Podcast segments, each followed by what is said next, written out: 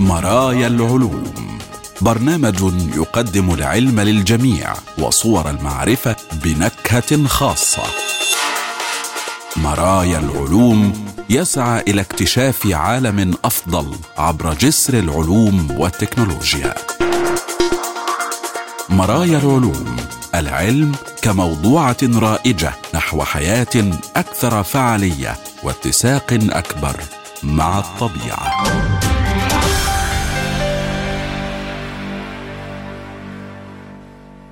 أهلا بكم وحلقة جديدة من برنامج مرايا العلوم حيث العلوم والحياة وصور المعرفة وتردداتها بلا حدود والسعي نحو غد أفضل يتسع للجميع ويفتح ذراعيه لعقول السلام. معكم أحمد أحمد وفي هذه الحلقة. قصور جاذبية أينشتاين والمستعمرات القديمة وغزو النباتات. البداية نشرة العلوم.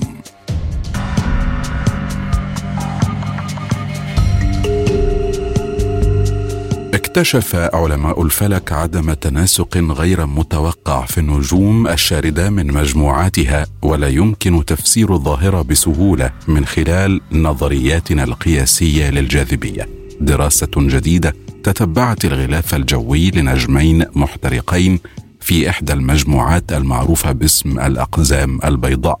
كما تتبعت أدلة على وجود كويكبات عدة غير مدروسة جيدا. وأيضا أشارت إلى إمكانية وجود كواكب بحجم الأرض في نفس النظام.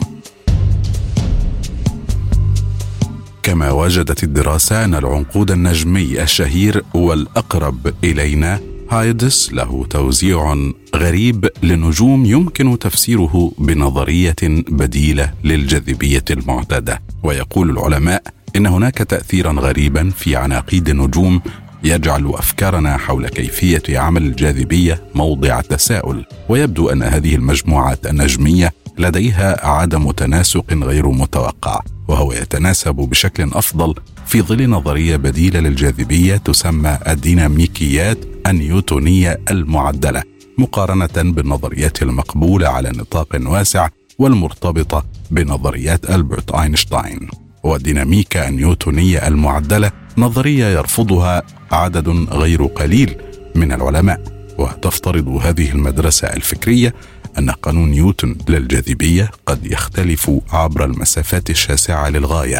ورغم أن نظرية الديناميكا النيوتونية المعدلة تستطيع أن تفسر بضع مشاهدات على حساب استبدال قانون نيوتن بمعادلة أقل تميزا فإنها لا تفسر الكون كله بأسلوب منهجي.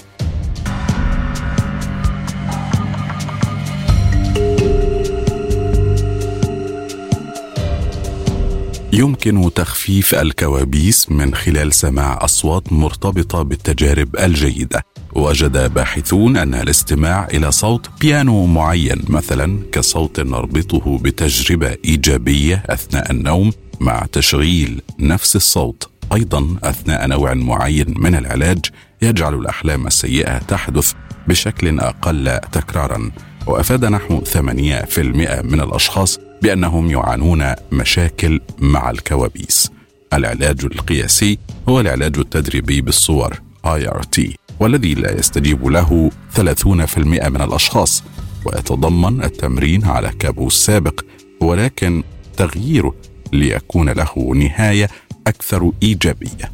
وللمساعدة في استعادة الذاكرة تتضمن بعض العلاجات أن يسمع الفرد صوتا معينا أثناء تكوينه الذكريات ثم يتم تشغيل هذا الصوت نفسه له أثناء نومه غالبا ما يتم ذكر ذلك أثناء مرحلة نوم حركة العين غير السريعه بينما تكون الأحلام والكوابيس أكثر شيوعا في نوم حركة العين السريعه وباختبار إمكانات هذا النهج للكوابيس إذا جاز القول درب الباحثون مجموعات لاختبار من الأفراد على آليات معينة لإجرائها في منازلهم.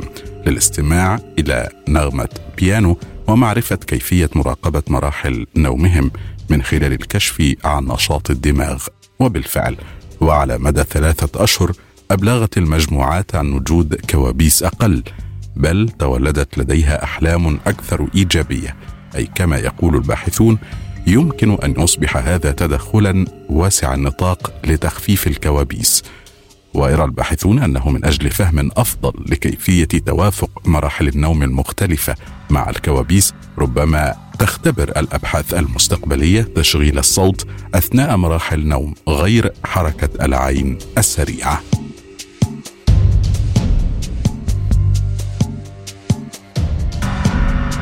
ترك التاريخ الاستعماري الأوروبي الغربي بصماته على الطبيعة في مختلف أنحاء العالم وذلك بحسب دراسة لاحظت تشابها أكبر في نباتات الأنواع الأجنبية في المناطق التي كانت مستعمرة سابقا مقارنة بالمناطق الأخرى التي لم تكن كذلك. ولا تزال أثار هذا الغزو البيولوجي بادية إلى اليوم في مناطق المستعمرات السابقة للإمبراطوريات الأوروبية الاربع الكبرى. البرتغالية والإسبانية والهولندية والبريطانية وفقا للدراسة التي نشرت هذا الأسبوع في مجلة Nature Ecology and Evolution. وأوضح أحد المعدين الرئيسيين للدراسة أن كل المناطق المعنية تحوي تركيبات نباتية أكثر تجانسا من تلك الموجودة في المناطق الأخرى التي لم تكن تنتمي إلى إمبراطوريات استعمارية. ولكنها كانت تقع في القطاع الجغرافي نفسه. وعمل الباحثون على تجميع قاعدة بيانات لنحو 1200 منطقة في العالم بينها نحو 800 منطقة كانت تقع في إمبراطوريات سابقة. ثم أجرى الباحثون مقاطعة بين هذه البيانات وقاعدة بيانات جلوناف التي تشمل راهنا أكثر من 13 ألف نبتة أجنبية متجانسة في مناطق مختلفة من العالم. واحتسبوا مؤشر التنوع زيتا الذي يقيس درجة التشابه كبيرة كانت أم صغيرة بين المناطق الجغرافية من حيث تركيبتها النباتية. وخلص الباحثون إلى أن أهم العوامل التي تؤدي إلى استمرار الآثار النباتية لإمبراطوريات ما على مناطق عدة هي مدة استمرار الاستعمار وأهميته الاقتصادية أو الاستراتيجية.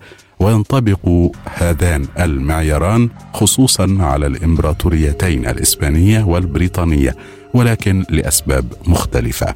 فالإمبراطورية الإسبانية التي استمرت من القرن الخامس عشر إلى القرن العشرين بقيت قائمة لمدة طويلة جدا. وفي منطقة تتقارب أجزاؤها نسبيا في أمريكا اللاتينية. وأسهم هذا التقارب في كثافة التبادلات بين هذه المناطق وأتاح انتشار الأنواع المتشابهة فيها. أما الإمبراطورية البريطانية التي نشأت في مرحلة لاحقة أي في القرن السابع عشر فامتدت لتشمل مختلف أنحاء العالم. ولكن في زمن شهد تطورا تكنولوجيا وازديادا في الحركة التجارية وساهمت السفن تاليا بشكل كبير. في تبادل أنواع النباتات بين المستعمرات. الدراسة أشارت كذلك إلى أن ثمة اسبابا عدة للاستعمار النباتي للمناطق. فالمستوطنون الأوائل كانوا يزرعون لتأمين مقومات الحياة في اراض كانوا يجهلون طبيعتها في حين أن العلماء كانوا يرغبون في زيادة التنوع الإحيائي. فضلا عن أن الشبكة الفعلية للحدائق النباتية في الإمبراطورية البريطانية كانت تتيح تبادل وزرع أنواع نباتية قابلة للبيع.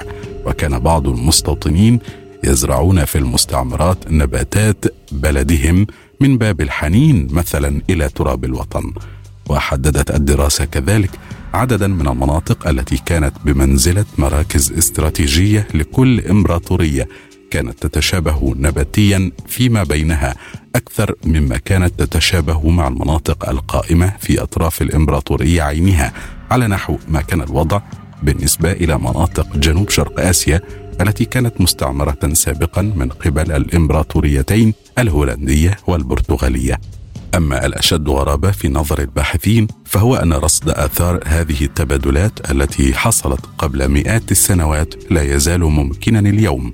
رغم زيادة التبادلات التجارية في العالم بمقدار 30 ضعفا منذ عام 1950 وتوقعت الدراسة أن تؤدي حركة العولماء إلى زيادة تبادل الأنواع النباتية الأجنبية وأن تكون أثار التشابه في المشهد الطبيعي قابلة للرصد في المستقبل البعيد.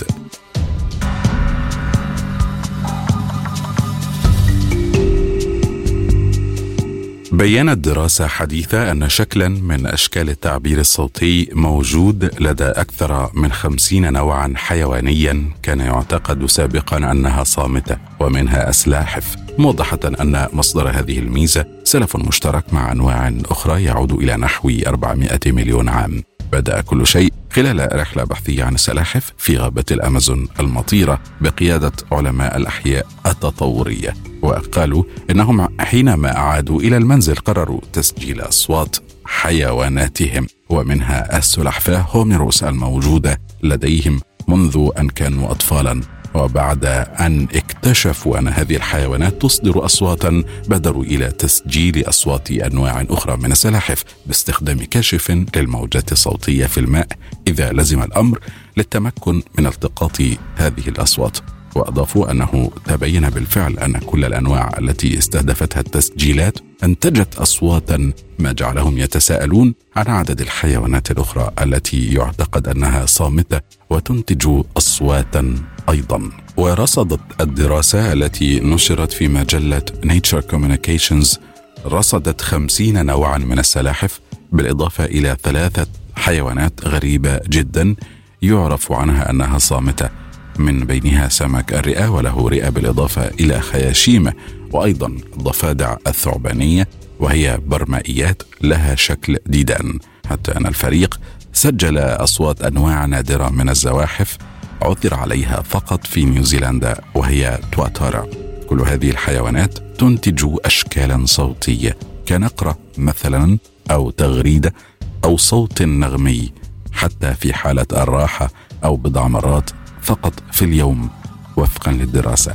وجمع الباحثون نتائجهم مع البيانات المتعلقة بالتاريخ التطوري للتواصل الصوتي لدى 1800 نوع حيواني آخر. ثم استخدموا تقنية تسمى إعادة بناء الأسلاف تتولى احتساب احتمال وجود خاصية مشتركة بين عدد من الأنواع في الماضي. وقال الباحثون إنهم وجدوا أن السلف المشترك لهذه المجموعة كان ينتج أصواتا ويتواصل عن قصد باستخدام هذه الأصوات.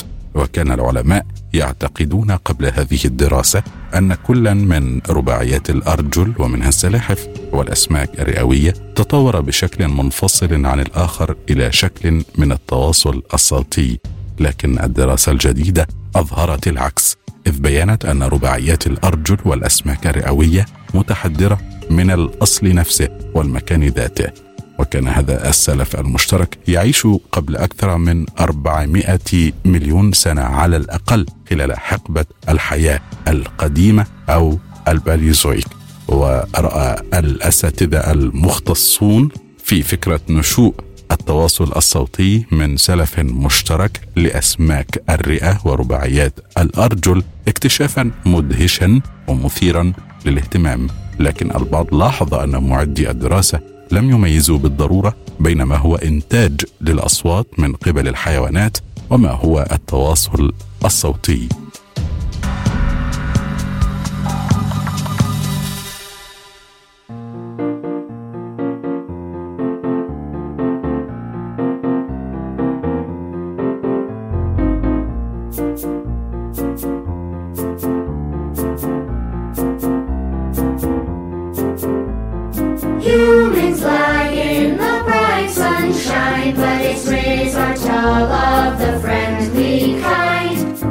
UVA rays age the skin, UVB rays burn it, but just in case you thought it was all bad news, ultraviolet light makes vitamin D in him, in her, in me, in you too. It isn't just humans that have to take care of ultraviolet traveling through space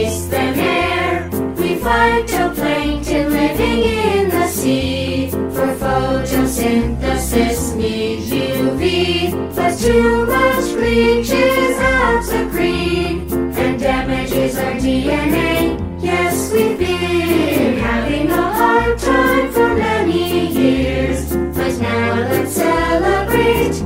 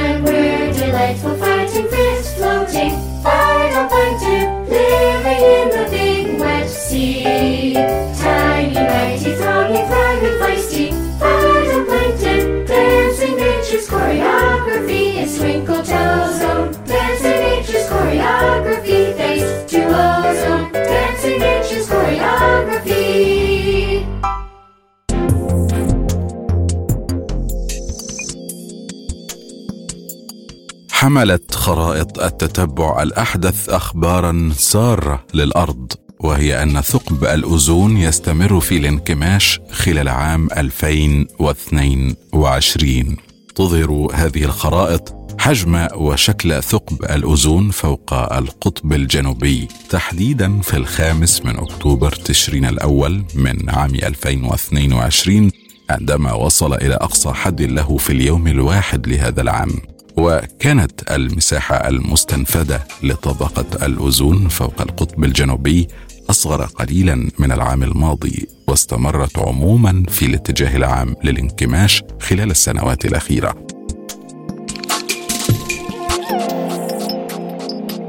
وطبقة الأوزون هي درع هش من الغاز يحمي الأرض من الجزء الضار من أشعة الشمس ما يساعد على الحفاظ على الحياة فوق كوكب الأرض.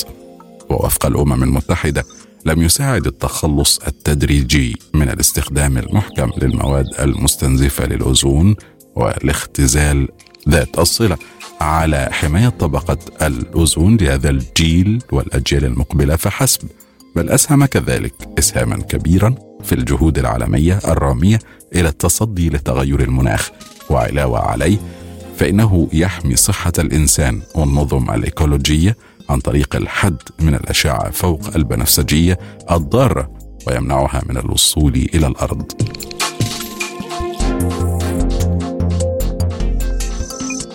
وبين السابع من سبتمبر أيلول 2022 ومنتصف أكتوبر 2022 وصلت مساحة ثقب الأوزون على مدار السنة في القطب الجنوبي إلى متوسط مساحة تزيد على 23 مليون كيلومتر مربع. وكانت هذه المساحة المستنفدة من طبقة الأوزون فوق القطب الجنوبي أصغر قليلا من متوسط الفترة نفسها من العام الماضي. وهذا يمثل استمرارا عاما لاتجاه الانكماش العام في السنوات الأخيرة.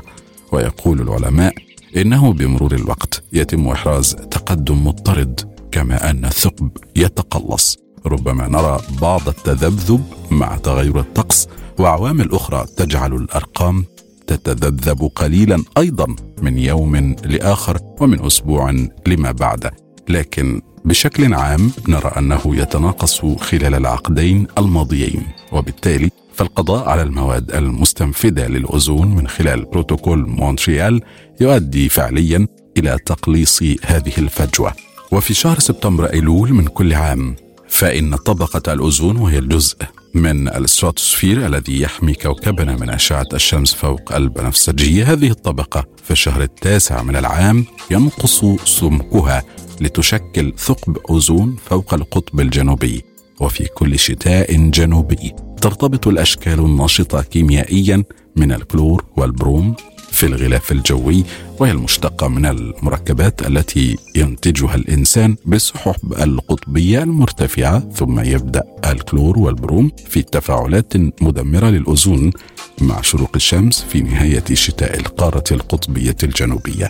وتقليديا يكتشف العلماء ويقيسون نمو وتفكك ثقب الأوزون بأدوات على متن الأقمار. في الخامس من أكتوبر تشرين الأول من عام 2022 لاحظت تلك الأقمار الصناعية ثقبا في الأوزون ليوم واحد بحد أقصى 26.4 مليون كيلومتر مربع. أكبر قليلا من العام الماضي وعندما تشرق الشمس القطبية يقوم العلماء بإجراء قياسات باستخدام مقياس دوبسون سبكتروفوتومتر وهو أداة بصرية تسجل الكمية الإجمالية للأوزون بين السطح وحافة الفضاء. تعرف باسم إجمالي قيمة عمود الأوزون. على الصعيد العالمي يبلغ متوسط العمود الإجمالي حوالي 300 وحدة دوبسون سجل العلماء أدنى قيمة لعمود الأوزون الكلي بلغت 101 وحدة دوبسون فوق القطب الجنوبي في الثالث من أكتوبر 2022 في ذلك الوقت كان الأوزون غائبا تماما تقريبا على ارتفاعات تتراوح بين 14 و 21 كيلو مترا وهو نمط مشابه جدا للعام الماضي. وكان بعض العلماء قلقين تماما بشأن التاثيرات المحتملة لطبقة الاستراتوسفير من ثوران بركان هانغا تونغا في يناير كانون الثاني من هذا العام. وأطلق ثوران جبل بيناتوبو عام 1991 كميات كبيرة من ثاني أكسيد الكبريت الذي أدى إلى تضخيم طبقة الأوزون. ومع ذلك لم يتم الكشف عن أي آثار مباشرة من هونغا تونغا في بيانات الاستراتوسفير في أنطاركتيكا وطبقة الأوزون هي جزء من الغلاف الجوي لكوكب الأرض يحتوي بشكل مكثف على غاز الأوزون المكون من ثلاث ذرات أكسجين وهي متمركزة بشكل كبير في الجزء السفلي من طبقة الستراتوسفير من الغلاف الجوي للأرض. يتحول فيها جزء من غاز الأكسجين إلى غاز الأوزون بفعل الأشعة فوق البنفسجية القوية التي تصدرها الشمس وتؤثر في هذا الجزء من الغلاف الجوي. نظرا لعدم وجود طبقات سميكة من الهواء فوقه لوقايته. ولهذه الطبقة أهمية حيوية بالنسبة لنا فهي تحول دون وصول الموجات فوق البنفسجيه القصيرة بتركيز كبير إلى سطح الأرض والتي تسبب اضرارا بالغة للإنسان وخاصة ما يتعلق بسرطانات الجلد وأيضا للحيوان والنبات على حد سواء.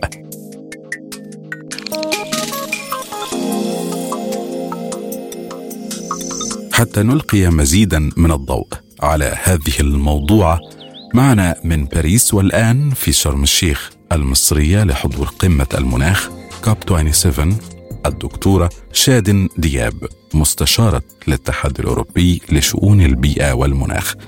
دكتورة شادن أهلا بك. بداية هل هناك بالفعل أخبار سارة عن أن ثقب الأوزون يتقلص أم هذه مجرد آمال ومؤشرات مؤقتة؟ آه نعم تقلص ثقب الأوزون حاليا فوق القطب الجنوبي بما يعادل تقريبا حجم مشابه لولاية تكساس مقارنة آه هذا الوقت من العام الماضي.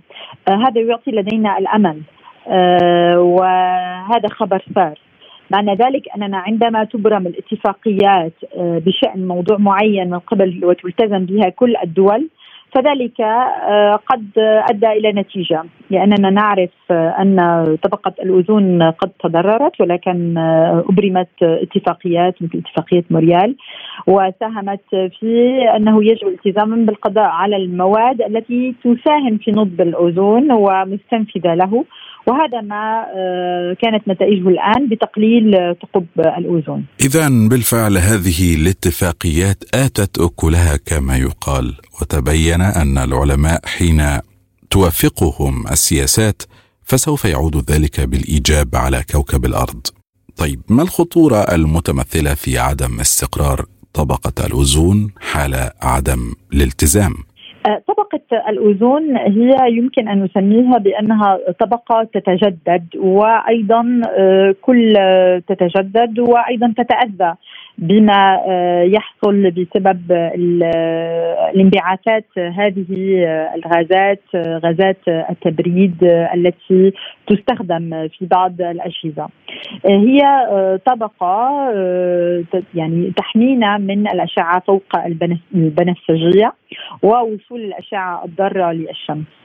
ولذلك عندما يحصل ثقب في هذه الطبقة تسمح لهذه الأشعة الضارة بالوصول إلى سطح الأرض ويعني تأذية البشر وأيضا النباتات والكائنات الحية والإصابة بالسرطانات الجلدية وكذلك بضرر للنظام البيولوجي والنباتي لأنها لا تتحمل هذه الأشعة الضارة والأشعة فوق البنفسجية. وبالتالي هي مثل درع حامي آه، لسطح الأرض من وصول هذه الأشعة الضارة آه، للكرة الأرضية. وما المتوقع لهذا الأثر الحادث بالانكماش؟ هل يستمر الأوزون ليعود إلى طبيعته؟ أم يعود الوضع نحو الاتساع مرة أخرى وتزداد الخطورة كمان دكتورة شادن نعلم أنك تحضرين قمة المناخ كوب 27 في شرم الشيخ هل لنا أن نتعرف هذه المشاركة كيف وهم الملفات المطروحة؟ آه، قمة المناخ التي في شرم الشيخ آه، سوف آه، هناك الكثير من الملفات الموضوعة على الطاولة. هناك ملفات منها التمويل لأننا كما نرى اليوم أن المشكلة هي عبارة عن موضوع تمويل الضرر الذي يعني نتج عن موضوع المناخ. آه، المشكلة اليوم أن الدول الفقيرة والناميه ليس لديها وسيلة آه، من أجل أن تحضر لما يحصل في المستقبل من آه، الانتقال نحو طاقة نظيفة. وتحتاج إلى كثير من الاستثمارات البنيوية واستثمارات أيضا للطاقة الشمسية والتحول نحو الطاقه النظيفه فهو واحد من الملفات التي ستعرض على الطاولة موضوع التمويل. وأيضا معينوب ربما كيف سيكون ذلك وخصوصا اليوم فيما فيما يخص ربما مقايضه الديون أو المقايضه البيئيه. المشكلة الأخرى التي سوف نتكلم يعني سوف يعني يضعها أيضا هي الالتزام بخفض الانبعاثات الحرارية وأيضا التحول نحو الطاقة النظيفة خصوصا أن أوروبا بعد الأزمة الحالية عندها صعوبة في التحول يعني ونحو التحول نحو طاقة نظيفة ولكن يتم استخدام الوقود الأحفوري والغازات والغاز. ولذلك يعني هناك نحتاج إلى استراتيجية واضحة لكل الدول النامية والدول الفقيرة والدول الغنية على حد سواء لأن هناك لا حدود بالنسبة إلى كوكب الأرض. آه، أيضا هناك موضوع يعني آه، موضوع أيضا آه، الغابات واحتراق الغابات والحفاظ والحفاظ على الغطاء النباتي وما حصل بسبب الحرائق. يعني هذا كمان موضوع مهم. فهناك بعض الأمور يعني كثير هي من أطول القمم التي ستكون يعني نراها.